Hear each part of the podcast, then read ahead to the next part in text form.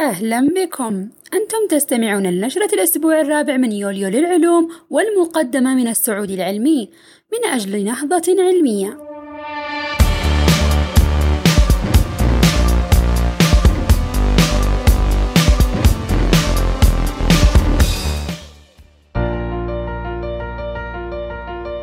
شفاء طفل من الإيدز أعلن علماء من جنوب أفريقيا في مؤتمر جمعية الإيدز الدولية التاسع أن طفلة جنوب أفريقيا ولدت بالإيدز. أنهت عامها التاسع دون أي أعراض وذلك بعد تلقيها علاجا قصيرا بالمضادات الفيروسية قبل ثمان سنوات ونصف. ولقد بقيت سليمة ومعافاة إلى الآن ما قد يكون بمثابة بصيص أمل لكل الأشخاص الذين يعانون من هذا المرض. والجدير بالذكر أن هذه ثالث حالة من هذا النوع لأطفال شفوا من هذا المرض مؤقتاً. ويقول العلماء أنه على الرغم من أن بعض خلاياها لا تزال تحمل بعضا من الفيروسات إلا أن الطفلة معافاة وبعدد خلايا مناعية سليم. وأوضحوا أنهم يعتقدون بأن هنالك شيئا مميزا فيها ساعدها على هزيمة فيروس نقص المناعة وأنه لا يمكن أن يكون السبب المضادات الفيروسية فقط بل قد يكون عاملا وراثيا أو مرتبطا بنظام المناعة. دراسة جديدة تشير إلى أن القمر يحتوي على ماء أكثر مما اعتقدنا سابقاً. أشارت دراسة جديدة أجراها باحثون من جامعة براون إلى وجود كميات كبيرة من المياه داخل صخور القمر. ولقد أشارت دراسات سابقة إلى وجود الماء في المناطق القطبية بالقمر. إلا أن هذه الدراسة الجديدة بيّنت أنه من الممكن أن هذه المياه تكونت في فترة مبكرة جدا من نشوء القمر. وتشير الدلائل إلى أن المياه قد تكون قادمة من الطبقات العميقة للقمر.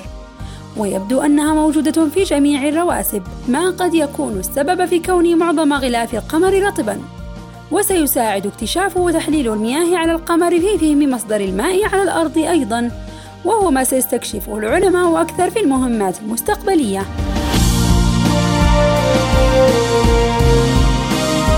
شركة أمريكية تزرع رقائق إلكترونية بداخل موظفيها.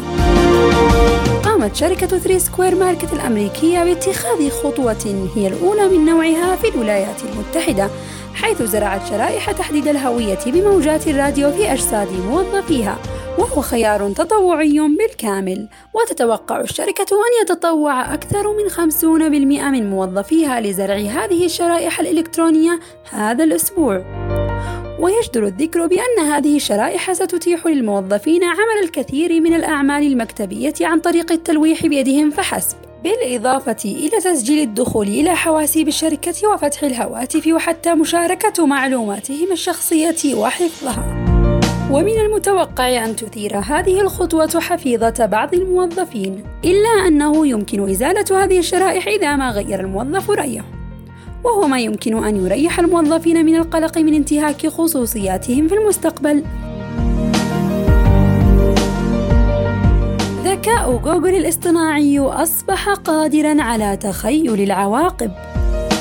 طور باحثو جوجل قدرة تخيل المستقبل في ذكائهم الاصطناعي المسمى بالعقل العميق، حيث تمكنه هذه القدرة من التخطيط للمستقبل واتخاذ قرارات دون أن يكون محصورا بالأوامر التي أعطته إياها البشر. فأصبح بإمكانه تخيل عواقب القرارات قبل اتخاذها، ما جعله يتفوق على نظائره من أنظمة الذكاء الصناعي المفتقرة لقدرة التخيل.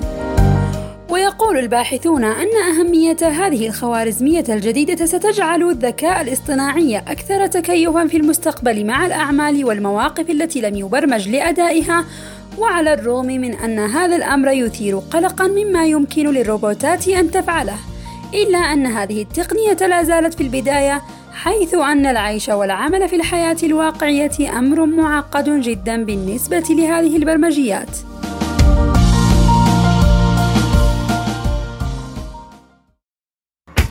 كنت معكم سلوان عامر من مجموعة السعودي العلمي.